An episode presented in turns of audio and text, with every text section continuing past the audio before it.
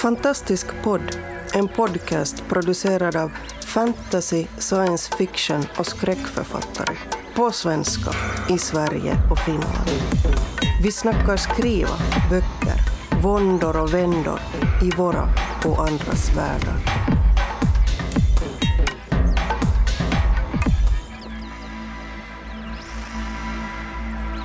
Hej och välkommen till det här specialavsnittet av Fantastisk podd. Med oss idag har vi mig själv, Marcus Sköld, Liv Vistisen Rörby, Boel Berman och vår alldeles speciella gäst för idag, skräckförfattaren Mats Strandberg. Hallå, Välkommen. Mats! Tack så mycket. Idag så tänkte vi att vi skulle prata om skräck och om att skriva skräck. Och eh, varför vi gör det. Vad är det som vi älskar så mycket med skräck och att skriva skräck? Vad, eh, vad var det som fick dig att börja skriva skräck Mats? Ja du, alltså jag undrar väl snarare varför jag inte började skriva skräck redan från början. För Ja, det är undrar liksom- jag också. Ja, men för det kändes verkligen som att komma hem och bara, men gud det här är ju faktiskt någonting jag kan. Det här är någonting jag kan bidra med något med. Jag kan den här genren, jag vet vad jag, vad jag själv verkligen tycker om, vad jag tycker saknas liksom. Ärligt talat, jag fattar inte riktigt varför jag inte bara, det kanske verkade för kul. Eller liksom för, ja, typ att John Ajvide redan fanns, då fick man ju inte dyka upp själv liksom. På något sätt. Jag vet inte vad det var. Har det funnits Ehm. någon skräckelement i det du har skrivit innan du skrev liksom, du vet, officiell skräck tycker du? Mm, Nej, alltså jag skrev ju liksom någon slags blandning mellan relationsromaner och chicklit, mina första tre böcker. Och liksom min första bok har ju liksom ett Buffy-citat på försättsbladet och, och liksom så här, så att jag menar, Alla tecknen fanns där redan. alla tecknen fanns precis. Men alltså, ehm, nej men alltså det finns väl kanske så här driver, Jag vet inte, i min tredje bok Kalva liv så tycker jag det finns liksom ganska bra så här jaktscener och sånt. Alltså liksom att en huvudperson blir jagad och sånt. Men det, den boken är ju, liksom, jag är ju nöjd med den för vad den ska vara. Men det är ju en ganska konstig blandning på så här ganska lågmält eh, familjedrama och sen plötsligt värsta jakten i slutet. Så det var väl liksom min lilla skräckförfattare som började bubbla upp till ytan där kanske, helt enkelt. Ja, man kan ju skrämmas på olika vis. Eh, Liv, kan inte du berätta lite om bara vad som fick dig att tassa in på skräck? jag vet inte om jag tassade så mycket som att jag alltid har skrivit det.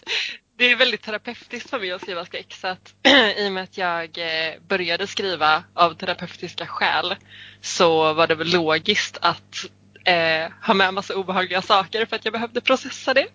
Så ja, det har varit eh, mycket så här. Eh, jag, jag skriver för att jag är mörkrädd typ. Jag tror att jag har nämnt det i något av Göteborgsavsnitten innan. Eh, så om jag blir för rädd för att somna så sätter jag mig och så skriver jag om det jag är rädd ska hända. För då känner jag så här. Jag har skapat det här monstret och då är det mitt monster och då skulle det inte döda mig. Mm. Jag känner igen det där väldigt väl faktiskt. Ja, Ja, så. Det är ingenting som man gärna vill, vill erkänna som, som vuxen man. Men eh, jag har alltid varit livrädd för varulvar. Eh, Är det så? Är ja. minst läskiga monstret av alla tycker jag i och för sig, men okej. ja, nej men det är någonting med dem. Det är liksom de, de är snabbare än vad du är. De ser bättre, hör bättre, kan känna din doft på hur långt avstånd som helst. Och det går inte att resonera med dem. Mm. Det är fruktansvärt otäckt tycker jag. Mats, Mm. du kanske Eh. behöver tänka om och bli rädd för varulvar istället. Ja, jag tänkte det där passar in på mycket av sånt som jag är rädd för också. Men det kanske, är det någon sån här barndomsgrej som liksom har satt sig? För jag har ju såna här jättebarnsliga mörkrädslor också som, som är superfåniga. Fast ja, det Säg. är liksom en Ja. barnslig rädsla. Nej men jag har ju liksom sådär för Nej men för, för besatthetshistorier till exempel tycker jag är det läskigaste som finns. Och då, då har jag ändå så här superproblem med, med just hur liksom filmer som Exorcisten och sånt liksom utgår från något så här superbibeltroget urkristet perspektiv som jag tycker är rätt så här problematiskt. Så att jag har liksom Ja. problem med det och liksom så här teoretiskt tycker att det är supertramsigt och ändå funkar det så himla bra. Fast mig. jag tycker ju snarare att så här, för besatthetshistorier fascinerar mig också jättemycket. Och jag läste en bok väldigt nyligen som heter My Best Friend's Exorcism som var riktigt bra. Mm. Eh, och den, eller det som är intressant med eh, besatthet tycker jag är ju inte det religiösa perspektivet utan det psykologiska. Att Mm. så här, om du, har haft, om du har känt någon som har varit bipolär till exempel så är Mm. det ett väldigt lätt sätt att hantera det. Att läsa om någon som är besatt och bara jo men det var något elakt som gjorde den personen så. Liksom. Precis. Men jag håller med. Det är bara liksom att i de här, i alla fall amerikanska historierna så, så löser man det alltid genom att någon slags katolsk präst kommer in och stänker veckan. Eller så här, The Conjuring-grejen. Alltså, jag tycker Conjuring känns skitjobbigt för att det är så himla... Ah, jag gillar liksom inte de här Part Warren överhuvudtaget. Nej, fast å andra sidan, men då, då har vi ju kanske en helt annan skräck och det är att religion skrämmer oss kanske. Mm, ja. Eller bara, fast det är ju den här rädslan för att tappa kontrollen över sig själv tycker jag. Jag har ju varit sjukskriven för stress liksom ett år och eh, fick så här panikångest och grejer. Jag, jag tänkte verkligen jättemycket på det. Att, här, ah, om det här hade varit medeltiden så hade jag verkligen trott, alltså jag kunde förstå känslan av att här, det är något annat som tar över. Det är något ont som fyller mig rent fysiskt och liksom, du vet när man känner igen sig själv och det här. Ehm, Också att det tröstar och tänka att någon annan är i kroppen och inte en själv. Ja men nästan så att det var så här, ah, det vore ju typ lättare att Lättare att vara besatt så är det bara att hämta en katolsk präst och så är det klart. Exakt. Ja, jag vet inte.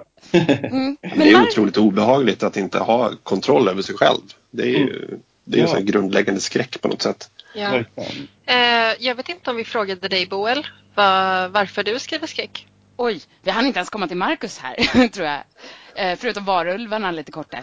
Jag, alltså jag skriver ju kanske inte renodlad skräck på samma sätt som, som ni coola människor gör. Så det är väl därför jag tänkte försöka smita iväg i bakgrunden. Jag gillar ju att skrämma folk, det gör jag ju. Eh, med, med, med läskiga barn och, och, ehm, och sånt. Men jag, jag tycker ju mer om att skrämmas på det sättet att Ja, att man kanske känner sig lite så här ehm, Ja, men det är väl mer krypande och att man smyger in vart ska världen ta vägen och varför beter sig alla människor läskigt och obehagligt. Men, men i mina historier är de ju inte besatta. De är ju bara läskiga för att människor är läskiga. Liksom. Fast Så. vad är en skräck? Men om det är skrämmande så är det ju skräck tycker jag. Mm. Ja, ja fast samtidigt så här, men jag har ju skrivit en novell som heter Kolingsborg där det är ett tentakelmonster under Kolingsborg. Det är ju skräck på en helt annat, mycket mer explicit så här, skräckfilmsvis eller vad man ska säga. Tentakler hit och dit och så. Eh, det var jättekul att skriva den. men men den var inte, jag tror att den blev mindre läskig än när jag inte skriver, försöker skriva skräck. Det är ju ganska, alltså hur, hur man kategoriserar berättelser är ju också har man någonting övernaturligt eller några tentakler eller eh, några monster med överhuvudtaget så då hamnar man ju lätt i, i skräckfacket även om, om just den berättelsen kanske inte är speciellt läskig. Så att det behöver ju inte det behöver inte bli skräck bara för att det är monster och tentakler med. Det kan ju vara precis lika skrämmande med, med eh, helt, helt vanliga företeelser egentligen. Mm. Sen så är det ju mycket roligare naturligtvis om man har lite övernaturliga element med, tycker jag i alla fall. Men, Ja, men det är precis. Ja, men jag kan också bli lite så här. Det är många som säger så här, ah, men jag läser inte skräck eller nej, men skräck, vad ska det vara bra för? Och så, liksom, så är det ju samma människor som läser de här vidriga deckarna. Liksom, som, ja men precis. som också går åt så här skräckhållet verkligen med så här superbestialiskt ja. mördare. Och att det liksom är, jag vet inte, jag tycker faktiskt att det är lite, det kan jag ha lite så här problem med när det ska så här föreställa realistiskt just och, och liksom att det ofta är så här barn som blir våldtagna och styckade och kastade i den Ja, stenen. Ja. Men ja verkligen och där kan det ju verkligen vara, alltså det kan vara jätteexplicit och nästan så här frossande i tortyr. Ja, Eh, exakt. Som inte för mig är skrämmande utan mer såhär, ew, vad är det för, vad är det här Mm. för obehagligt? Not notera gärna att det är samma människor som läser det här som sen vill förbjuda spel för att de gör folk våldsamma. Mm. Ja. Mm, mm, det är, Ja men verkligen. Nej, men jag, jag skulle till exempel aldrig gått så långt som jag gjorde i färgen om det, var, om det inte var övernaturligt. Liksom. Alltså, färgen är väldigt blodsplättrig men jag tycker det känns mer okej när det är liksom så uppenbart något som inte kan hända på riktigt. Eller liksom sådär. Mm. Men det, man har sina egna gränser. Liksom. men, men Mats, det här med, när, nu går vi tillbaka till det här när du började skriva skräck bara, men alltså just att, Ja. alltså hur kändes det med färgen liksom? Alltså Men- när, när du skrev den? Alla fått svara, jag vill inte vara den där jobbiga författaren som kommer in och så här, tar över allting. Har Nej men jag vill veta, bara liksom, hur känns det att ta steget? Nej men det var liksom mycket för att, alltså hur jag, du menar hur jag tog steget in i att skriva skräcken alltså? Ja, Ja, men jag tror att det var mycket för att liksom jag och Sara var ju, alltså när vi skrev cirkeln, alltså Ängsfors-trilogin så det var ju liksom 2000 sidor som var så här jam-packed med massa, massa grejer och vi byggde ju på på något sätt varsin skattkista med, med grejer som vi alltså kom på under, under, under skrivandets gång som, som, som var bra idéer men som av olika skäl inte passade in i, i eh, just den här trilogin. Och eh, mina drog väl just åt det här skräckiga hållet. Liksom. Så att mycket av det som sen blev Hemmet, alltså min nya bok, Mm. eh, med så gamla som blir besatta, det var ju sånt som ja, som dök upp i någonstans. Jag höll på och spånade på liksom, vad, hur liksom den stundande apokalypsen skulle börja visa sig på stan i Engelsfors. Liksom.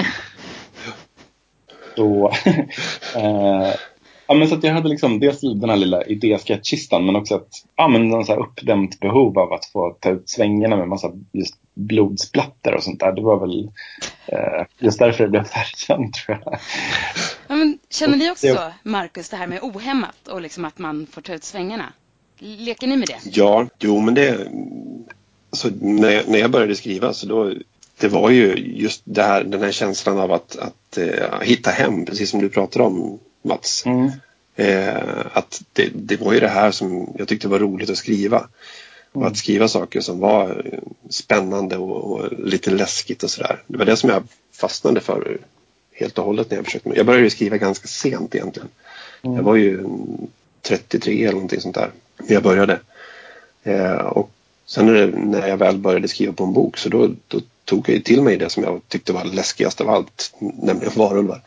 Mm. Eh, och eh, det blev ju min, min debutroman då, eh, Där ute i mörkret. Som mm. handlar om ett gäng grabbar som åker på en vildmarksweekend och blir eh, lemlästade av varulvar. Mm. Mysigt. Ja. Mysigt. Jättehärligt. Du tycker om konstiga saker. Ja. ja, nej, men eh, jag vet inte, det hör väl ihop med vad man skriver. Jag vet inte om jag borde prata om ohämmat för att liksom en av de senaste scenerna jag skrev var en person som eh, hade sex med en korpmask tror jag eh, och typ gick sönder. Eh, och det var kul att skriva. Nej men så här, jag jobbar med att inte ha gränser och att försöka chocka mig själv med varje grej jag skriver. Mm. Så det blir liksom någon sorts studie i förfall. och så men... började jag också, jag började också väldigt, väldigt, väldigt långt ner eh, i, liksom, i förfallet. Så jag vet inte, i värsta fall så eh, slår jag väl 360 runt och så börjar jag skriva jättesnäll skräck istället. Mm, så feelgood mys. Ja. Omvänd resa jämfört med Mats då alltså? så, jag tror att jag kommer landa på kyckling snabbt. Men alltså, har, jag tänkte faktiskt fråga, har ni några gränser? Hur ni, alltså vad ni, har ni, eller något så här område ni känner att men det där ska jag aldrig kunna skriva? Eller liksom, det tycker jag inte är okej för mig? Eller liksom, jag tänkte precis, min spontana svar var det är ju svårt att skriva om barn fast jag har skrivit en bok om det. Så att, um, ja, jag vet inte. Alltså det är ohyggligt svårt att skriva sex men det är ju mer för att skriver man dåligt sex så blir det en skräckscen. ja, um, så.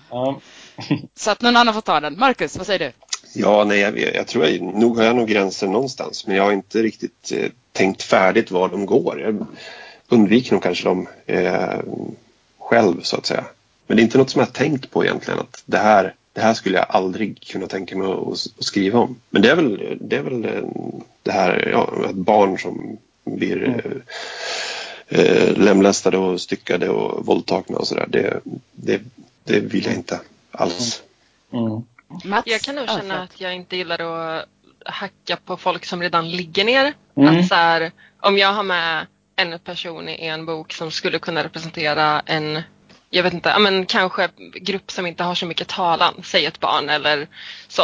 Eh, då skulle jag inte göra jag skulle inte behandla barnet värre än jag skulle behandla en vuxen. Eh, mm. Jag har skrivit en novell som är utgiven i någon antologi som börjar med en mamma som stryper sitt barn och då har barnspöket sen ihjäl en vuxen människa som kompensation. Mm. mm. Så att det ska vara rättvist på något vänster. Jag vill alltid så här jämna spelfältet typ. Jag förstår. Jämnar de vid marken eller liksom? Mats, vad skriver du inte om då? Jag sitter och kollar på min bokkille nu medan vi snackar. Jag ligger faktiskt i sängen och gör den här podden.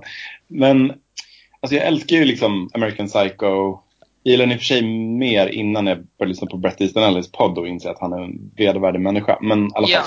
Ja. Eh, och sen Poppy C. Brights böcker är ju också så här. Alltså hennes nekrofil. Eh, Har du läst den? Utsökta lik, ja, så bra. Jättebra. Men så bra! Men jag vet inte om jag skulle kunna skriva det själv, men kanske. Alltså, det vore ju kul att se vad som dök upp på något sätt.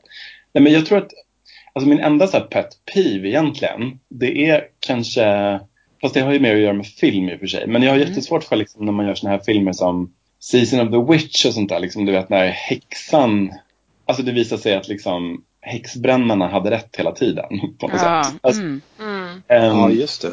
när man använder historien på ett så här osmakligt sätt. Eh, för det var ju ändå ett liksom, folkmord typ som man så här, glatt gör offren till någon så här sago, onda sagoväsen. Jag vet inte, det känns Det liksom blir inte helt galet. Man är ju liksom på något sätt inget problem med alternativ historia men då ska det liksom vara steampunk och Ja, man vill inte precis. skriva om existerande historia till att ja, Nej, exakt. Det är lite så här svårt för också när man gör nazister till någon slags så här, liksom, sagoväsen nästan. Alltså du vet, som i såna här filmer typ Iron Sky och sånt. Jag Mm. menar, liksom så här, så det, det är roligt på ett sätt, men jag vet inte, vi har ju liksom riktiga nazister på gatorna. I don't know, liksom. Det, Ja, det känns lite alltså så här, det där är klurigt. Alltså visst, vi, vi börjar ju nå en gräns där liksom folk inte minns längre.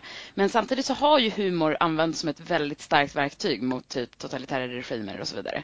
Charlie Absolut. Chaplin gjorde ju liksom Hitler väldigt too soon, enligt många. ja. Så, men, men ja, jag förstår vad du menar. Alltså att man, man, man vill inte att de ska bli någon slags standard supervillain liksom.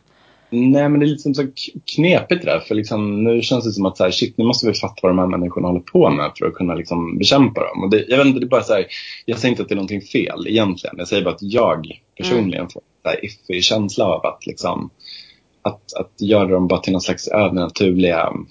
Mördar zombies. Mm, ja, men exakt. Jag har lite, det bara känns fel. Alltså för mig. Funkar inte för mig riktigt bara. Så det är Mm. min grej tror jag. Eh, Nej, jag bara tänkte på en grej apropå äh, gränser och zombies när vi ändå pratar om det. Mm. Att jag hittade en novelltävling, jag tänker inte peka ut något förlag nu, men jag hittade en novelltävling som ett förlag gjorde där man skulle skriva eh, en zombieberättelse. Och jag är en sån här nörd som alltid måste göra research på det jag ska skriva om. Så jag Mm. satte mig och gjorde lite sökningar och hittar liksom årets kolonialarv i zombiemyten. Hmm, Okej, interesting. Ja, det här var jätte... Jag, jag tänker inte gå in, på det jättemycket nu. Jag kan rekommendera folk att läsa på om det för att det är en grej som jag tror att inte så många vet om. Mm. Och då fattade jag beslutet att inte skriva till den tävlingen. För att det hade att göra med att sätta zombies i en vit miljö. Och Ah. Ja, jag kände att sättet jag ville tolka det på om jag skulle utgå ifrån liksom originalarvet skulle Mm. inte funka för att då måste jag sudda ut att det har en kolonialhistoria. Mm, Okej, Mhm. Där. Du menar hela Haiti-bakgrunden och sånt där? Ja, precis. Ja, Mm. just det. Mm. Ja. Eh, om du har en pet peeve mot, mot varulvar. Jag har ju lite problem med zombies alltså. Även om folk har gjort dem jättebra. Eh, och då menar jag inte på grund av någon moralisk hämning utan för att jag tycker att de är jättetråkiga. Mm. De har ingen drivkraft liksom. Eller ja, de har en jättestark och det är väl att de vill äta. Men Jag tycker att de är väldigt läskiga faktiskt. Just för att de är liksom bara en enda instinkt som liksom blir som en... Alltså att den är så...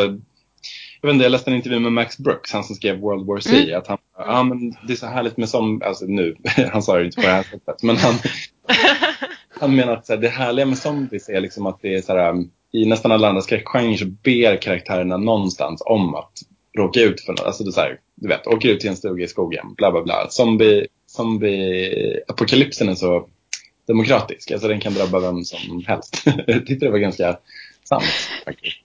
Ja, det är sant. Men, jag, lägger ja, in ett veto. Det finns säkert skyddade små eh, lyxöar och eh, någonting där folk bunkrar där folk kan gömma sig. Är det inte- De gömmer sig väl i bunkrar i, i eh, vad är det, Umbrella Corp? eh, just det, men de är ju... Resident Evil. Mm. precis. Eh, Men, men ja, jag förstår tesen. Så. Fast jag vet inte om den är så demokratisk. Har man tillräckligt höga stängsel och murar? ja, Gated communities liksom. Exakt. Det finns ju någon sån här zombiefilm på Netflix som jag tänkte kolla som heter The Resort med Z förstås. Som är Mm. Ja, den har jag också hört talas om. Alla har den på sin att, att se-lista. Ingen har sett den. Mm. Men Jag håller egentligen med också. Alltså jag tycker zombie, det var därför jag just på färjan gjorde dem till vampyrer istället för zombies. För att jag ville ändå ha just, just, en plan och liksom någon sån här, mm, alltså ganska mänsklig eller vad man ska säga, just drivkraft bakom det. För att jag håller med, det kan, det liksom, det är ju, man har ju sett så jävla mycket zombie-historier nu så man vill ju, det blir lite segt att det hela tiden Ja. är. Ja, men alltså Det är lite halvt uttjatat. mycket bra liksom. Men, Mm. ja. Men, är det inte Men det är någonting tilltalande i det där. Förlåt, Ja, jag, bara- nej förlåt, jag bara tänkte att så här, det är väl jävligt, ursäkta språket, eh, det är väl bara en, ett väldigt lätt tema att välja. Du behöver inte förklara en zombie mer än att Oj, men det skedde en olycka någonstans. Nu fokuserar vi på överlevarna och behöver inte förklara det här så mycket. Att så här, zombies är lika lätt som spöken och spöken har folk använt så länge nu och zombies är liksom inne fortfarande. Ja, jag känner att spöken måste ju återerövras. Nu är vi tillbaka på spöken, besatthet och demoner alltså. Mm. Samtidigt har det i och för sig kommit sådana här som typ uh, The Girl with All the Gift som jag tycker är en jättebra så här, liksom, twist på. Jag har inte sett den, finns den nu? Ja, den finns på uh, internet. på internet? Men så jag Train to Busan också som är en koreansk film om zombie outbreak. Jag såg trailern, jag har inte sett filmen men gud vad rädd jag blev av trailern. Jag vet inte vad det var som gjorde att den funkade på mig. Den, den är bara så här non-stop action, den är grym alltså. Se den. Ja. Jag ska. Lovar. Ja. Ja. Ja. Nu har De, vi har- börjat tipsa. alltså, de är fantastiska. Nu har nu har vi börjat tipsa lite här. Har ni något mer som ni känner så här, gud, skräck, det här måste vi liksom, det här är min löv. Eh, Alltså i, i vilken genre som helst inom skräck. Alltså film, spel, tv-serier, musik, bara någonting liksom. Mm. Alltså igen, eh, My Best Friends Exorcism. Så sjukt bra. Och inte Nej. ett sånt slut som man förväntar sig. Utan bara så här, skriven av Grady Hendrix som eh, är fantastiskt bra faktiskt. Cool. Ja, men den ska jag faktiskt beställa så fort vi har lagts på, känner jag. Jag- Jag har varit besviken på den länge nu, fick jag en, här en anledning.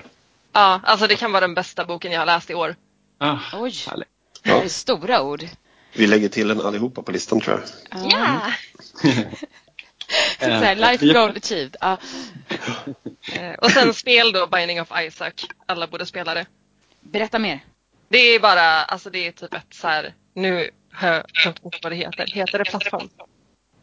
Man går runt och så ska man skjuta ihjäl massa monster och så är det svinsvårt och alla banor är slumpgenererade och ens, allt, alla item drops man får är slumpgenererade. Och så dör man väldigt fort men eh, det är sjukt kul och det finns ett helt community kring. Och så här, ah, Mm. rolig grej. Coolt. Är det liksom bra för nybörjare? För jag är ganska ny på, på det här med spel, men jag tycker det är väldigt roligt. Är du ny på spel Mats? Ja. Då säger jag mitt tips, Soma. Eh, som är ett skräckspel som är svenskt utvecklat och helt fantastiskt. Och det är inte döda en massa monster, det är snarare motsatsen. Det, det, det finns inte så mycket monster. Det, du eh, har varit med om en olycka. Du sövs ner för att din hjärna ska kopieras och du vaknar i en miljö som är lite som första Alien. Och du vet inte var du befinner dig och var alla människor är. Mm, I love what I'm hearing. Ah, Okej. Mm. Jag håller ett spel som heter Inside nu som är väldigt härligt. För det är, det är liksom, man kan bara röra sig i, alltså, från vänster till höger. Om du förstår. Alltså det är inte Mm. tredimensionellt att man kan springa runt. Det är så superskönt för mig som är nybörjare. För att det, är liksom, det är inte så mycket kontroll. och det är ändå så skitläskigt och superstressande. Och man ska bara liksom klara sig. Men det är väl Eh, värsta dystopispelet. Alltså jag, vet, jag vet väldigt lite om det men jag har sett trailern och planerar att Ja, spela men det. otroligt oklar värld fast på ett härligt sätt. Liksom. Att det är bara som någon slags mardrömsvärld där man hela tiden måste springa liksom, för att inte bli upptäckt av eh, diverse liksom, eh, ljuskäglor och människor med hundar och eh, robotar. Åh, det är det! mm, Det jättehärligt. är väl eh, utvecklat av, av samma företag som gjorde Limbo tror jag. Jajamän. Ja, det brukar folk säga. Fast på inside. Yes. Det, det har jag spelat däremot. Det är otroligt... Eh, ja, det är någon slags krypande rädsla som finns i det där spelet. Det är lite obehagligt hela tiden. Ja. Mm. Ja, Annars är jag inte så speciellt bra på spel jag heller. Men Ja, men jag, Ska spela. Vi ska nog göra gamers av er. Vi löser det. men jag tycker det är väldigt skönt just när man är så skrivande människa och in, alltså för mig är det lite så lätt skönt sätt att koppla av. För att jag kan få in så här, att jobbhjärnan börjar jobba även om man försöker kolla på en film eller liksom att man hela tiden analyserar dialog och sånt där. Så för mig är det väldigt sådär, jag, Fast- jag kan koppla bort jobbhjärnan på ett annat sätt. Oj, ja. Fast vi får se. Alltså, om du spelar ett spel med mycket, mycket dialog och manus då är det ju lätt att hamna i jobbhjärnan igen. Alltså. Ja, det är det va. Mm. Så. Nu har vi tipsat om spel på, den här, på det här om att skriva. Vi kanske borde skriva ett skräckspel. Alltså jag satt på och kollade min bokhylla nu. Eh, apropå det där som du sa om eh, zombie-mytens ursprung och sånt där. Så jag har precis läst en skit, om man gillar liksom akademiska texter om skräck så Mm. har jag precis läst en skitbra bok som heter Horror Noir. Ehm, som någon Robin någonting har skrivit. Gud fan, jag borde... Ja, jag kan massa mig fram till bokhyllan och kolla sen. Horror noir. Ja. Men den, eh, den handlar om liksom hur, hur svarta människor och svarta kroppar har behandlats i skräckgenren från liksom, filmens födelse fram till våra dagar på något sätt. Eh, skitintressant liksom, och jätteupprörande förstås. Liksom, och, men den sätter också liksom, grejer i helt nya perspektiv. Både liksom, zombie-myten från början eh, men också liksom, filmer som King Kong liksom, får en helt annan innebörd på ett Ja, är skitbra faktiskt. Um, så den kan jag verkligen rekommendera om det är någon som känner för att liksom, nörda ner sig. Men den är väldigt bra också för den var, alltså jag tyckte den var väldigt um, inspirerande och tankeväckande i alltså just liksom vilka fällor man själv inte vill råka hamna i utan att ja, veta om det på något sätt. Mm. Det är jättebra. Mm. Den vill jag tipsa om. Um, sen... Vi kan slänga över stafettpinnen till Marcus en stund så kan du klura. Mm, absolut. Mm. Ja. Bring it on. Bring it on. Eh, ja, nej, men det är väl kanske världens mest tipsade eh, skräckbok. Men eh, Michelle Pavers eh, Evig natt tycker jag är, kan man definitivt rekommendera om och om igen. Eh, den, det är en av de få böcker som jag verkligen tycker är, är, eh, var kuslig när jag läste den. Mm. Eh, men Vad jag handlar tänkte den om? Det handlar om en eh, man som blir eh, lämnad kvar på, på Nordpolen eh, i en stuga. Och det är en, en, en dagboksroman som man får följa hans dagboksanteckningar och, och brev och sådär. Och man märker att han, han, han ser saker. Det, långsamt så så går det upp för honom att han kanske inte är helt och hållet ensam där. Eller så är han det och håller på att bli galen. Men i vilket fall som helst så är det väldigt spännande och väldigt eh, kusligt. Snyggt. Fantastiskt. Definitivt. Dark Matter tror jag den heter på engelska. Mm. Och du läste den på svenska så du vet om översättningen är okej och sådär, eller? Jag, tyckte, jag läste den på svenska eh, och jag tyckte att översättningen funkar. Nu har inte jag jämfört med, med eh, originalspråket men Mm. den, den gav kalla kårar även på svenska. Okej, ja, bra. Jag brukar sälja in den till folk med att det är som att Stephen King skulle ha skrivit eh, B. Usmas Expeditionen. ja, Jag läste Expeditionen så att... Eh, mm. Så för övrigt är en väldigt bra bok men kanske inte en skräckhistoria. Ja, men jag, jag kan tipsa om Elizabeth Hand, eh, om ni känner till henne, som har skrivit om Castnery och sådär, eh, som är grymma. Men hon har skrivit en fantastisk liten spökhistoria som heter Wilding Hall. Som också är, ja, är om ett folkrockband på 70-talet som spelade in en skiva som sen har blivit legendarisk. Liksom, och en av bandmedlemmarna försvann under mystiska omständigheter. Så att det är liksom också en så här, formen är, är liksom att det är intervjuer med alla inblandade. Så här, ja, 40 år senare. Den är skithäftig, verkligen. Åh, jag älskar Elisabeth Hand. Men där blir jag lite så här nyfiken också. Har ni funderat, eller liksom, hur ser ni på det här? För det är ganska klassiskt sk- skräckknep att liksom använda dokumentära källor. Alltså brev, det är filminspelningar och så vidare. Beroende på format. Eh, tycker ni själva om att använda det? Eller tycker ni om att läsa eller uppleva det? Jag är lite svag för så här found footage-filmer måste jag erkänna. Ja, eller hur? Eh, vad heter den? Paranormal Activity-filmerna tycker jag är riktigt bra. De är skitbra. Trean är bäst. Trean är Trean är väldigt bra. Ja, otrolig, faktiskt. ja, verkligen. Men jag vet inte, jag har lite svårt för det. Eller så här, det kan väl vara jättebra grepp ibland. Liksom. Um, det, men det ska mycket till för att det ska vara så särskilt övertygande, tycker jag. Liksom, och att det verkligen ska kunna försätta en i um, någon slags närvarokänsla. Jag vet inte, det blir lite distanserat för min smak, ofta. Men, uh, men, Ja, men det funkar- kanske inte blir lika läskigt. Alltså, eller- fast i film funkar det ju väldigt bra, alltså när det är lost Mhm. tapes. Men det kanske inte blir lika läskigt när det är brev i böcker, eller har jag fel? Liksom? Jag menar, Jag jag försökte- Dracula är ju i samma, liksom, vad ska man säga, stil med brev. Mm. Ja, men Eh, precis. Fast jag Frankenstein. vet World War inte hur Z det är ju intervjuer. Mm. Ja, Carrie är det. väl också en sån här eh, bara liksom vittnesmål och sånt och tidningsartiklar och grejer tror jag. Alltså Stephen Kings Carrie. Mm. Jag har inte läst den. Mm. Ja. Nej men vänta, den är väl inte i brev? Eller? Va? jo, jag tror att Mm. den är så här, liksom, tidningsartiklar och ehm, förhör och sånt där. det är väldigt mycket sånt i alla fall. Mm. Ja, Jag, vet inte, jag tycker nog att det blir lite för distanserat för min del. Alltså. Mm. Jag försökte skriva en novell som skulle vara så här survival skräck. För att jag Mm. kollade så himla mycket på så här ensamma människor på ö-serier då. Eh, och då tänkte jag så här, ja, och då var det så inne med survival-spel också där man ska liksom rationera och grejer. Och då tänkte jag så här, jag låser in en tjej i ett hus ensam och så har hon liksom x antal tändstickor och så här mycket vatten och så här mycket mat och så måste hon hitta nytt hela tiden och så är det grejen i Mm. eh, novellen och så blir skräckgrejen i bakgrunden. Mm. Och då försökte jag skriva den i form av lappar som man hittade. Men hur formulerar man att någonting är lappar som man har hittat utan att säga det? Alltså jag fastnade i så mycket sånt. Så det Man gör en bilderbok med post-its liksom. Som en Nej, men det, blev så här, det blev inget bra så att jag gav upp och så skrev jag den i jag-format istället. Mm. Eh, och jag är lite besviken över det fortfarande för jag tror att den hade varit snygg om jag hade formulerat den som snippets som man hade kunnat hitta. Och det hade jag kunnat göra bara genom att datera varje stycke men jag gjorde inte det. Du Mm. får försöka igen. Det är aldrig för sent. Det är alltid för sent. Nej. Okej. Men en sak jag undrar här. Blir ni rädda när ni skriver? För era egna idéer? Absolut. Inte rädd, men eh, alltså, jag, om man skriver en, en scen som man verkligen känner att håren ställer sig upp lite grann, då känns det ja men det här blev bra. Det är Mm. mera den känslan. Inte så att jag liksom måste stänga, igen, stänga av monitorn för att det blir för läskigt eller lägga in den i frysen eller någonting sådär. Ja, jag kan, ehm, jag vet inte om jag skulle kalla det rädd, men jag kan ju liksom dras med och få, det är väl snarare som en rush liksom, att man känner att man har någonting på spåren och att, att det är liksom så här, oh shit, jag hade verkligen älskat att läsa det här. Liksom. Det här är verkligen Ja, precis. Men attans, nu är du författaren. Ja, precis.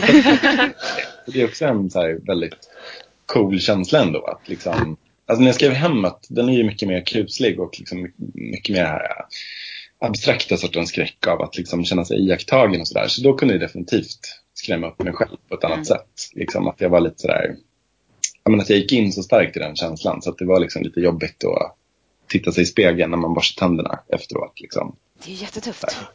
Ja, det var härligt. Men just vampyrer på en finlandsfärja, jag vet inte, det var inte så. Det var inget jag liksom gick in i på det sättet.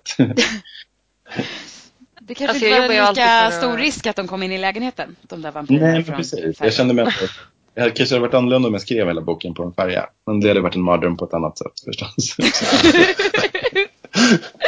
Är det så man får inte gå av förrän man är färdig? Ah, gud. Det där skulle kunna Men meta- tänk vad snabbt du skulle ha skrivit den då. Ja. Lite Tur och retur till Åland för evigt. Ja. Nej men alltså jag känner ju att jag, jag blir rädd av att, av att skriva. Men det är ju speciellt noveller för att jag oftast inte själv vet var de ska ta vägen. Mm. Så att man liksom på riktigt skrämmer upp sig själv. Sådär. Vågar nästan inte titta runt hörnet och så. Men det kanske bara är jag. Så. Nej, alltså jag skriver ju för att skrämma mig själv. Eller så här, om, om jag inte är rädd för det jag skriver kommer ingen annan bli det, tänker jag. Och så försöker jag göra det så obehagligt som möjligt så att jag känner att typ, jag vill inte skriva det här. Och om jag inte hamnar där så är jag inte nöjd och då skriver jag om scenen. Oj! Hårt! Men Liv, alltså du som ändå försökte hitta någon slags gräva dig djupare ner mot botten hela tiden. Ja. Kan du bli så här rädd för, så här, men gud var kom det därifrån? Hur sjuk är jag liksom? kan, kan... Alltså det värsta är att jag Den har vanliga sån... frågan.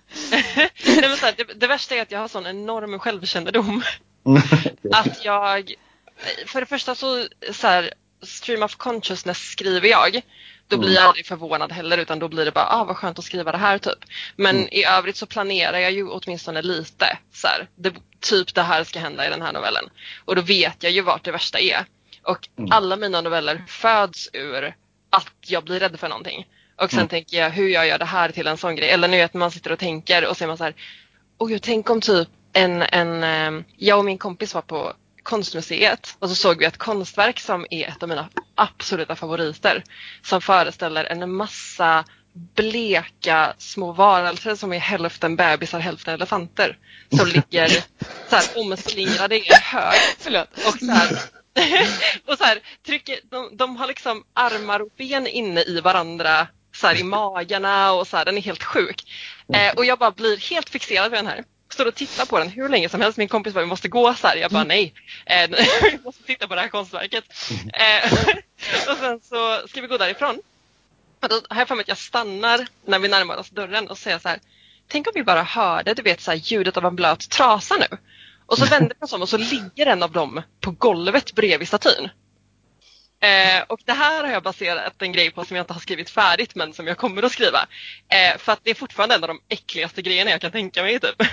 Oh, jag älskar det. Hoppas du kan ha bilden på omslaget eller något. Är det en gammal bild eller liksom, är den ny? Mm, jag tror att det står kvar. Eh, så det, det är ju inte omöjligt. Mm. Mm.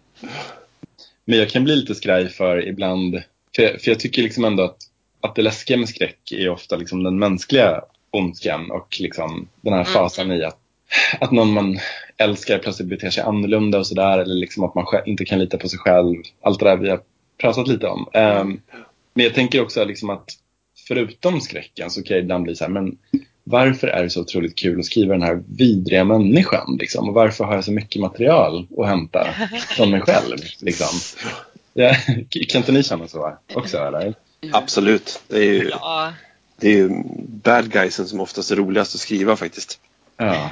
Ja, och där får man ju man också bara- ta ut svängarna på ett helt annat sätt. Så jag känner just det här att alltså, man har ju sidor man skäms över som man kan dra ut och, och göra värre. Liksom. Mm. Jag vet Jo, inte, alltså, allt ifrån så här, man kan ju dra på så här, småsinthet eller att man liksom har svårt att glömma en oförrätt, alltså sådana saker. Och det kan bara bli riktig skräck om man drar några steg längre. men är det inte också så här ganska, eller jag tycker det i alla fall, alltså på något sätt så är det ändå bara ord som man skriver. Att så här, då kan vi, ah, okej jag, är, jag är på dåligt humör idag, men jag kan ju dra det åtta steg längre och så kan jag låta någon slå ihjäl någon i den här boken för att då får jag det ur systemet. Och, och jag fick göra Någon väldigt 50 gånger lik den du är arg på just nu, typ. Eller? Eh, Jag brukar ju ha huvudpersonen som den sjukaste. Mm. För att jag tycker att det är trevligt med någonting man kan relatera till. Mm. Ja, men jag hade väldigt kul när jag skrev Dan till exempel, som är den här bittra gamla schlagerstjärnan på färjan som måste leda Ja. killarna. Liksom. Jag tycker han är absolut läskigast i hela boken. Ja. Fast jag, jag älskade att skriva honom också för att han var så, um, men det var väl just det att jag kunde använda den här lilla, alltså han är ju supersexistisk och vidrig på många sätt som jag hoppas att jag inte är. Men, men, men jag kunde ändå använda den här, um, den här rädslan för att bli en föredetting efter Engelsfors. Liksom, du vet att så här, ah, du vet, jag skulle floppa med allt jag gjorde efter cirkeln.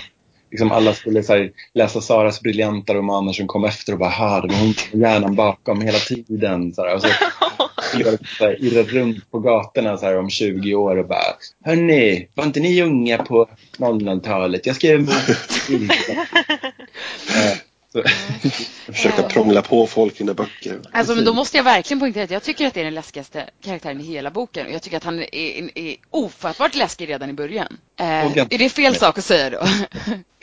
Nej men absolut, det är väl toppen. Alltså jag tycker ju själv att han är rätt underbar. Ehm, men eh, ja, nej shit. Det, eh, ja, det var bara där vi undrar om, om... Ibland kan man faktiskt undra var grejer kommer ifrån. Liksom. Men samtidigt känns det som bra terapi. Jag vet inte, jag, jag tycker alla, alla som jobbar med skräck verkar ganska harmoniska. Tycker jag. Det, det kanske är bra för oss att hålla på och götta i det här.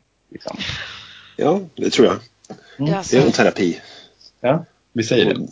Ja, precis. nej men det, Det var var ju ju liksom ursäkt. bland, eh, alltså, man, man, jag har ju alltid hållit på och skrivit lite grann men alltså men, men det var ju mest för min egen skull. Men alltså det här att när man skriver av sig. Det är ju Mm. jätteskoj. Då, då Mm. tappar jag ofta hämningarna. Om jag faktiskt är fly förbannad på någon eller ledsen eller något. Och så bara skriver man. Och så, sen ska man välja att delita det eller spara det och försöka skriva in det i någon scen eller bygga någon karaktär på det. Men, eh, eh, eller så slänger man det bara för att det är bara tre sidors rage liksom. Men, men det är väldigt skön känsla. Mm. Det är på något sätt som att man får distans till orden när de är liksom där på datorn. Eller i anteckningsblocket. Ja, min psykolog tyckte det var jättebra att jag började skriva skräck. Hon bara, men det är. Då kan du använda all, all din fantasi som du bara använder till katastroftankar. Då kan du göra någonting kreativt. Jag bara, ja. Alltså, jag tror att det är sant. Jo men för att man får ta alla tänk om och sen på något sätt göra dem till verklighet. Men det är okej för att det var en bok. Exakt, exakt så. Och det är bara hittepå. Ja. Eh, Men vad har ni för tips då att dela med er till andra som liksom vi- vill skriva skräck eller som skriver skräck? Liksom, vilka knep finns det för att verkligen skrämmas när man liksom skriver? För att jag menar, vi har ju inte de här eh, ljudeffekterna. Vi kan inte liksom höja eller sänka musiken, vi kan inte liksom Nej. smälla upp en dörr. Men vad har Alltså- vi till exempel som, som inte film har? Liksom? Det som man måste tänka på när man skriver eh, skräck är att glömma den här inbildningen som man ofta har. Inbildningen om att skriva cinematiskt. Eh, upplever jag i alla fall. Att när jag försöker att så här, och sen händer det här och då ser det ut så här och så lå- låter det så här. Så blir det krystat och jag förmedlar inte det jag vill göra. Men om jag däremot tänker att jag vill berätta det här för dig. Och så tänker jag alltid, all, all, allt jag skriver nu för tiden, tänker jag att jag skriver till någon jag känner som en berättelse som, den ska läsa, som jag ska läsa högt för den.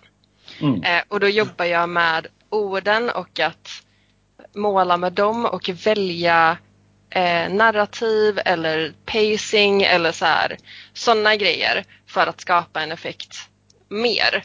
Eh, nu har jag fått höra på sistone att mina noveller är typ svårlästa fast alla som har sagt det har sagt att det är på ett bra sätt.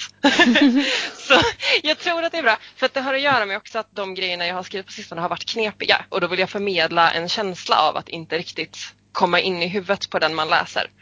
Eh, och så liksom tänk på hur du skulle vilja läsa din berättelse.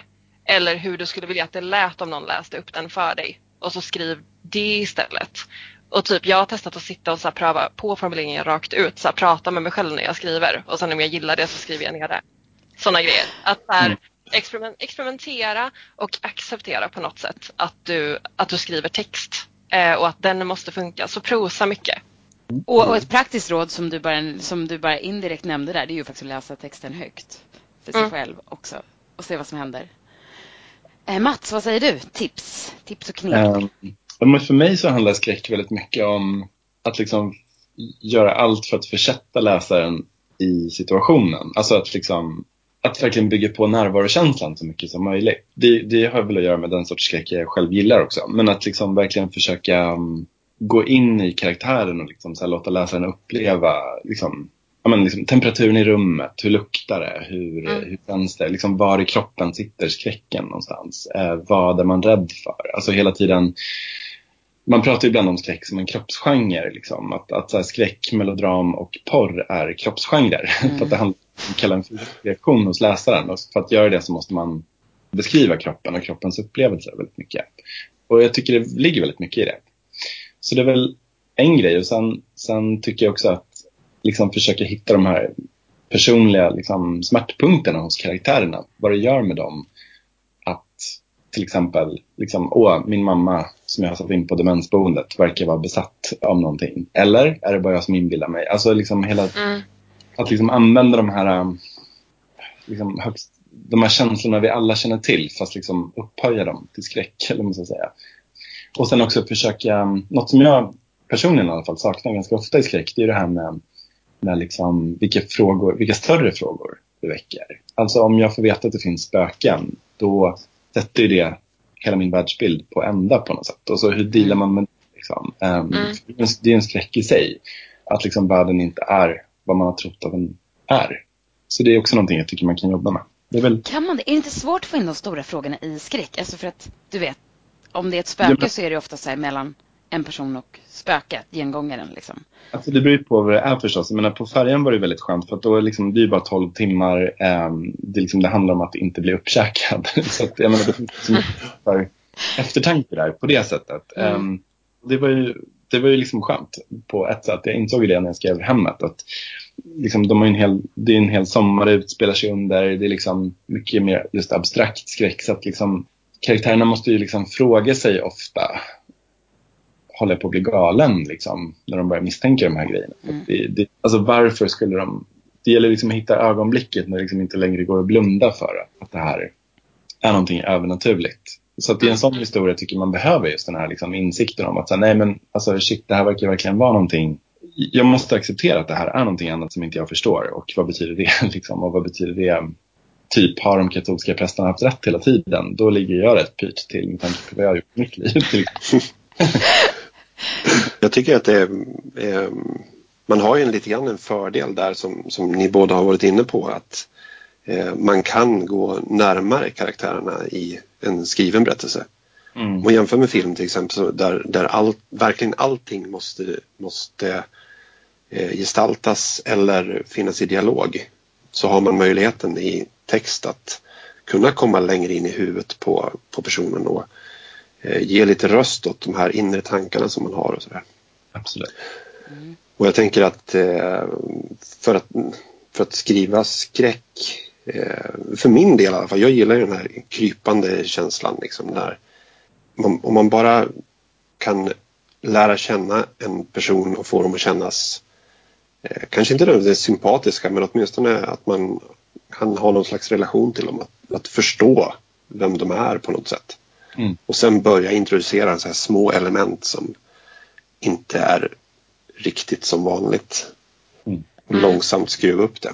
Men det där skulle jag faktiskt säga, alltså Mark, både Marcus och Mats där, alltså för jag är ju inte så här jättebra på det här med karaktärer, men det är ju ni. Och det här att man känner för karaktärerna och att man bryr sig om dem redan kanske innan skräck har introducerats. Det är ju så otroligt bra och effektivt när ni gör det. För att man blir sådär, Tack. när man redan har satt in sig i någons, ja, när man redan s- ham, när man liksom, man är där, man är i deras skor. Och då blir man ju också, i och med att man tror på dem och känner för dem och bryr sig om dem, eller ogillar dem men ändå så här förstår dem. Så blir det ju så himla jobbigt när det kommer hemskheter. Mm. Man, man kan inte fly, då är man redan där. Så är det. Det är lite, det är lite problemet med skräcket. Det är ofta ganska tråkiga karaktärer. Eller liksom, som, som fattar ganska dumma beslut också. Det är lite så här lata författare. Låter, Under, undersöker ett Ja. konstigt ljud på vinden. Ja, precis. ja, exakt. Det där är en av de saker som jag kämpar mest med i mina berättelser. Att försöka få... Eh, för ibland så måste ju karaktärerna göra dumma saker Mm, eh, på något sätt. Men att, att ändå få det att kännas som ett rimligt beslut, mm, det de gör. Precis. Och ofta går ju det faktiskt om man bara liksom anstränger sig lite. Ja, precis. Man får jobba lite grann för det. Men, men det, här, det är ganska jobbigt ibland. Ja, men det är absolut. Men ändå så himla värt tycker jag. För det, jag har så himla svårt att ruta för karaktärer som bara är korkade liksom. Och sen, men precis som du säger, man kan ju liksom ge dem ett skäl. Som typ Kalle i färjan, utan att spoila någonting. Så han, han ger sig liksom ner i färjan trots det här blodkaoset. Bara för att han har någon han måste hitta. Liksom, och då kan man ju, det tycker jag man kan köpa. Liksom. Jag bara, så länge det inte är en hundvalp. Mm. Exakt. Eh, men åh, men da, Liv, nu kanske du kan hjälpa mig, eh, gamer. Ett skräckspel där det är just så här, vad är det, nio ungdomar som åker ut till en stuga. Det är någon som dog Until Dawn. innan. Åh. Until, Until Dawn. Dawn. Eh, är fantastiskt. Jag För- tycker faktiskt inte det. För Ja, men jag ska, jag ska säga varför jag tycker att det är val. fantastiskt. Och det är för att i första scenen så hatar jag den där dumma, ni vet standard jockkillen. Han är... Ja, men gnälliga, bitchiga tjejen. Alltså det är som alla dåliga skräck, skräckfilmer. Ja. Och de är klyschiga och manuset är inte bra. Men det jag älskar med den är att de introducerar den här jockkillen som man bara känner så här, dö, dö, dö. Liksom. Man bara hoppas att han ska liksom bli nerklubbad med en yxa liksom, när som helst. Och sen så är plötsligt är man i hans skor. Och jag menar, då gör man ju allt för att kämpa för hans överlevnad. Ja. Allt! Jag försökte få honom att dö. Det gick Ah, jättedåligt. okej. Jag försökte få mina att överleva, det gick ganska dåligt ändå. Men, men jag menar, där kände jag bara att nej men nu måste jag ju låta honom överleva. Sådär. Mm. Eh, och det tyckte jag var intressant att jag kunde gå från vi- vilja se en massaker till att plötsligt försöka hålla någon Men det är väl det som är kul med att skifta POV sent. Att låta någon hinna bilda sig en fördom kring en karaktär och sen visa hur karaktären tänker och att det är mer komplext än man tror. Det är väldigt, jag uppskattar att läsa det väldigt mycket. Ja, det kan man ju verkligen leka med. Byta point of view. Eh, jag är väldigt förtjust i jag-formen för att jag tvingar läsaren att läsa jag. Mm. Eh, sen vet jag inte alltid om det funkar. En del blir eh, väldigt obekväma av att tvingas läsa texter i jag när de känner att det här verkligen inte är jag och det här är en person jag inte gillar. Mm. Så det är skoj. Jag hade ju väldigt eh, svårt för jag läste en bok av Anders Råman som heter Mörkrädd. Mm. Och Mm. den var, jag jag ska inte säga hur jag tyckte om den för jag älskade den inte. Men den har en grej som är riktigt obehaglig. Och det är att han bygger upp stämning och bygger upp stämning och bygger upp stämning så här.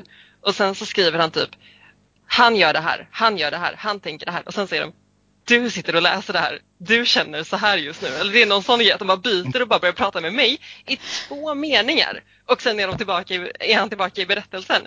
Och jag blev så extremt illa berörd av det här bara lilla skiftet. När jag bara, var inte här, jag sitter ju och läser. Alltså det är jätteroligt. Det, Jag, jag har ju varit jättesugen på att skriva någon bok som är sådär, pratar direkt till läsaren. Eh, men, men det var inte alls en rysare utan mer en sån här, där det skulle vara att man har som en kärlekshistoria med boken. Men sen så tyvärr så dröjde jag med den idén och sen gjordes den här filmen, vad heter den? Där han har ett förhållande med sitt datasystem. Ja, Her. Ja, Her. Ja, och det var liksom den idén. Sen skulle det komma fram att, att så här, boken pratar med en och är så här, du tittar inte alls på mig som du gjorde på sid 46. Och sen så i slutet så har boken förhållande med en massa andra och sådär. så att, ja. Mm. Bra. Ah, shit. Ja, men jag har faktiskt lite sånt i, um, i hemmet. Alltså lite grann i, jag har vissa kapitel som liksom har ett allseende perspektiv som, som heter Tallskuggan då, för det heter hemmet. Och där är det liksom på några ställen bara som jag har smugit in så liksom, ja, den dagen du hamnar här så kommer du det här och det här. Um, och det, det har ju väckt mycket um, ångest hos folk på ett Ja. um, förhoppningsvis bra sätt. Inte okej Mats. Inte Nej. Men just eftersom det är lite skräckis att hamna på ett sånt här demensboende så um, jag kunde inte motstå det. Nej, det är klart. Vad är det man inte kan skriva i skräck? Alltså rent stilistiskt. Alltså vad är jättesvårt att skrämmas med? Det är jättesvårt att smälla upp dörrar. K- kanske om man gör en cliffhanger direkt efter. Men Jag skulle säga alla ljud. När folk är så här. Ja, och sen hördes det ett och så har de försökt skriva ett ljud. Och man är så här, nej, nej, gör, gör inte det här. ja, man får inte skriva pang heller. Nej, helst Nej. inte. Nej, det är inte ett dugg läskigt. Fast jag tycker ljud kan vara okej i och för sig alltså, om det är bra gjort. Fast jag vet, alltså jag tror jag vet hur du menar att det kan, det kan ju vara väldigt så här, taffligt också. Liksom. Alltså typ om du försöker göra ett äckligt ljud, att det ska så här, låta klatsch. Då är man såhär, nej, nej. Men Ja. om man har någon som låter äckligt, typ Ajvide är ganska bra på det här. Om det är Mm. något som låter äckligt och upprepas många gånger. Mm. Då blir det obehagligt för att det blir en del av det man läser. Mm. Så att jag köper det då. Men inte så här, jag vet inte, hon reste sig upp och hennes rygg lät liksom. Man bara nej. Alltså jag, ja. Men när Ajvide skrev den där, alltså han är ju den enda jag vet som har fått ordet bröd att bli läskigt. Jag kom på GB-gubben, det var också hemskt. Ja, GB-gubben, åh gud, trauma. Åh. Och jag som älskar Smiths också, han gjorde det så svårt för mig. Jag vet inte, jag har nog ingen sån här um, att något inte går att göra. Det mesta går väl att göras bra. Jag har mer problem med just när skräck liksom bryter kontraktet på något sätt med läsaren. Att det är så här, man tror att det är en sorts skräck och sen plötsligt är det utomjordingar. Typ så här, Mm. Alltså den, det. Ja, just det. det, Ja, det är inte okej. Nej, Det är vi alla överens om, det tummar vi på, eller hur? Mm. Mm. Absolut. Okej, tumme på den. Ja. Alltså, Menar gud, er så här, säga ifrån. Don't do it, hjälp folk. nu, nu kommer jag på en, fast det är liksom, fast det kanske egentligen mer har med den förra frågan att göra, men, men alltså det här med dumma karaktärer. Jag, vart, jag har aldrig blivit så arg när jag läste en bok någon gång som jag läste en zombiebok. Som jag, alltså en amerikansk författare som jag faktiskt inte kommer ihåg, det är väl lika bra. Men där har de liksom gjort, alltså jävla dum grej till en plot twist för hela boken. För det är så här, ja men de lever liksom, det är så här postapokalyptiskt. De lever liksom så här in, alltså de lever bakom stängsel, de har det ganska tryggt och gött liksom. Men ibland måste de åka på mathämtarrundor Mm, liksom. mm.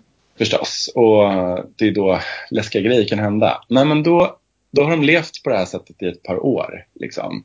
Och ändå så tycker männen att det är så fruktansvärt pinsamt att hämta tamponger och bindor. Så det får tjejerna klara av själva. Eh, Var inte det Okej. det sjukaste ni någonsin har hört? alltså, eh, De kan inte plocka ner tamponger från en, en liksom butikshylla där det liksom inte finns några människor överhuvudtaget. Om man Men alltså, är det första gången det händer? Är det att de har gjort det här i fem år och sen har de haft ett möte? Och och sen bara, går de vi har kommit fram till att det här är pinsamt grabbar. Vi är inte bekväma med det här.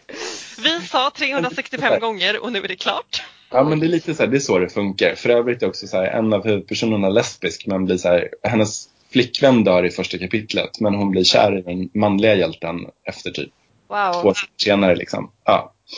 Mm. Så I don't know man, det var ju hopplöst. Så den kan ni ju undvika om ni skriver skräck. Liksom. Ja, jag, jag känner lite så här, eh, det måste ju, det kanske går att göra under, under vissa parodi, typ Sharknado kan Mm. kanske komma undan med det, men Absolut, då kanske Mm. det kunde vara kul. Men, Kanske. Jag tror att det, det är en svår fråga överhuvudtaget. För att det, eh, det handlar väl lite grann om det här med att om man känner till vilka regler som finns så kan man bryta mot vilka regler som helst. Bara man gör det på ett snyggt sätt. Typ Cabin in the Woods. Ja. Mm. Jag tänker på um, The Strain till exempel. Um, som jag inte var så speciellt förtjust i egentligen. Men jag tyckte att de hade gjort en ganska så uh, schysst tolkning på hela Dracula-berättelsen i den. Var Guillermo det- del Toro och... Ja, precis. Jag tänkte säga Hellboy där. Eh, Men... Ja, och precis. vampyrer. Ja, jag orkade bara med första, första boken för att den var alldeles knökfull med infodumpar om all forskning de hade bedrivit om hur blod funkar. Men Men du kanske lärde dig så- något om hur blod funkar, eller? Nej, jag har glömt bort alltihopa. Ja. Men eh, det, den, eh, det, är- det är inte traditionella vampyrer i den alls. Mm. Eh, men de hade på något sätt ändå gjort det med en, en varsamhet och en, en lite grann som du har gjort i färgerna också Mats. Mm. Eh, det är inte en, en, den, den klassiska vampyrerna. Mm. Eller ja, det finns så många versioner av vampyrer egentligen. Så att, Mm. eh, men det kanske inte är det första man tänker på. Men när man gör det på, på, på det sättet, där man har en, en, det är uppenbart att man vet hur det funkar, då kan man eh, ändra på saker och ting. Mm. Och det blir ändå trovärdigt om man köper att det här är så här det funkar. Liksom. Absolut. Jag tycker det var bra också att du sa det här med infodumpar. För det är väl liksom verkligen något som dödar skräck tycker jag. Det är ju liksom när man Ja. ska överförklara Ja, allting. Ja men lite sam, samma som att liksom, därför är så här, den här första av de nya Star Wars-filmerna bara så här förstörde allt när liksom hela samhällsbygget skulle förklaras och varenda liten blodcell typ. Det är så Ehm, många Ja, anledningar. precis. det är skräck, fast skräck för vad de gör med Star, gjorde med Star Wars. Ja, Så. men det, är en fin, det är en hårfin gräns där. För man vill ju liksom att man vill sätta på något sätt reglerna samtidigt som, alltså ju mer man går in på det desto mer, men det förtar ju skräck. Alltså det är skillnad på skräck och en deckare. Att liksom en deckare ska ju knyta ihop allting. Som skräck ska ju helst liksom smyga in informationen tycker jag. Och sen, Ja. Ja, men också att det handlar väl överlag mycket, alltså i allt egentligen, om eh, showing not telling. Mm. Att så här, jag läste en riktigt skräpig eh, skräckbok som har blivit väldigt hyllad, vilket jag inte tyckte om. Eh, och den gick ut på att det är så här, en kille står i sitt eh, hus och tittar ut på gräsmattan och så ser han en hund som skäller typ. Och så blir han rädd och så går han in. Och sen går det typ ett stycke i texten och sen är det så här han blev rädd förut eh, för hunden eftersom att den hade tittat upp mot honom. Alltså det var så här, det bara, först var det obehagligt, sen gjorde de en liten eh, segway och sen bara, förresten fattade ni den här läskiga grejen jag skrev? Eh, och sen har jag för mig att de kom tillbaka till det en Nu gång ska jag bara till betona så här, att det var väldigt, väldigt läskigt. Ja, nej men lite så, så jag bara stängde boken och så tänkte jag så här, nu läser jag inte den mer. nej. Men där var ju faktiskt en väldigt bra grej. eh, Att, för det tycker jag är ett big no-no i skräck. Det är att skriva att det är läskigt. Ja, Jättesvårt. Mm. Eh, för att då bara, nej. Nej, det var det inte. Det kanske var det innan, men om du skriver så här. Nu var det jätteläskigt, nu är jag jätterädd. Så, bara, mm. så då får man ju, det där är vi tillbaka på vad Mats pratade om, så här, mm, eh, liksom body horror eller vad man säger. Alltså att man ska, man får skriva, eh, kanske lite klyschigt, men ni vet adrenalinet pumpade och, och Mm. hjärtat bultade och händerna darrade och allt möjligt. Liksom. Eh, Men man får skriva de fysiska reaktionerna, men man får fan inte skriva att det är läskigt. Mm. Fast så är det väl med alla genrer, att om man skrev så här eh, och det var väldigt sexigt i en porrnovell. Nu är det sexigt här. Ja. Mm. Eller typ hon trodde hon skulle bli mördad i ett mordmysterie. Det är så här, jag, tror, jag tror att det, du får inte säga Ah, får genren man du göra. skriver. För om man kör Agatha Christie style. Hon var säker på att hon skulle bli mördad. Så blir hon mördad. Nej, så, ja okej, det beror på vilken typ av deckare. Men... Något sista, jag vet inte, slutord. Eh, favoritmonster i skräck? Jag är väldigt svag för The Cenobites i Hellraiser. Tycker de är faktiskt rätt underbara. Varför? Mina favoriter. Nej, men för att de är så... Um, eh, de är så vackra och äckliga på samma gång. Och de är så... Um, liksom... De är ju någon slags helvetesvarelser men samtidigt är det också liksom ett helvete som man... Alltså de, man ber ju verkligen om det i deras fall. Att liksom man eh, jagar upp dem själv. Liksom. Och eh, ja, men jag tycker om den här, liksom, speciellt i The Hellbound Heart, eh, Clive Barkers lång novell. Just den här liksom, huvudpersonens jakt på den här ultimata njutningen liksom, och som ju slår över i, i eh, något annat helt enkelt. Jag vet inte, jag gillar dem bara väldigt Mm. mycket. I filmen också. Marcus? Jag är väldigt svag för eh, spöken och vålnader och eh, sådana här eh, ja, men demoner, okroppsliga eh, elakingar tycker jag är, är väldigt fascinerande. Vad är det som lockar med dem? Jag vet inte, men det är, de är det, det, de frammanar någon slags eh, krypande rädsla tycker jag ofta. Eh, Det är väldigt oklart vad, vad de vill, åtminstone från början. Eh, Och eh, man kan inte alltid vara så helt säker på vad, vad de kan göra och sådana saker. Mm. Men har du något på en bra spökhistoria? För att jag älskar också spöken. Jag tycker bara att ofta så fastnar jag i någon sån här, ah, ja men de ska bara begravas i vigd jord. Så var den saken. Mm. Typ. Ja, precis. Eh, har du läst Ghost Story av Peter Straub? Ja, fantastisk. Den heter Den väl jag. Småstad på svenska va? Visst är det samma? Med den här lilla stan med de här gubbarna som har någon slags Ja, men precis, precis. Så bra. Ja, grym. Jag tror inte att den finns på svenska faktiskt, men eh, jag kan ha fel. Men den, den tyckte jag var väldigt bra. 80-talet tror jag. Alltså, jag tror den fanns liksom Stephen King-eran sådär. Jag sa något. Ja. Ja. Ja. ja, men skitbra. Verkligen. Det är ett bra tips. Mm. Liv, vad har du för någon? Jag tänker bara, ja, det är väldigt klyschigt att säga spöken också kanske, förlåt Marcus. Men Men jag, säga jag, tänkte vara, jag tänkte vara klyschig och säga djävulen.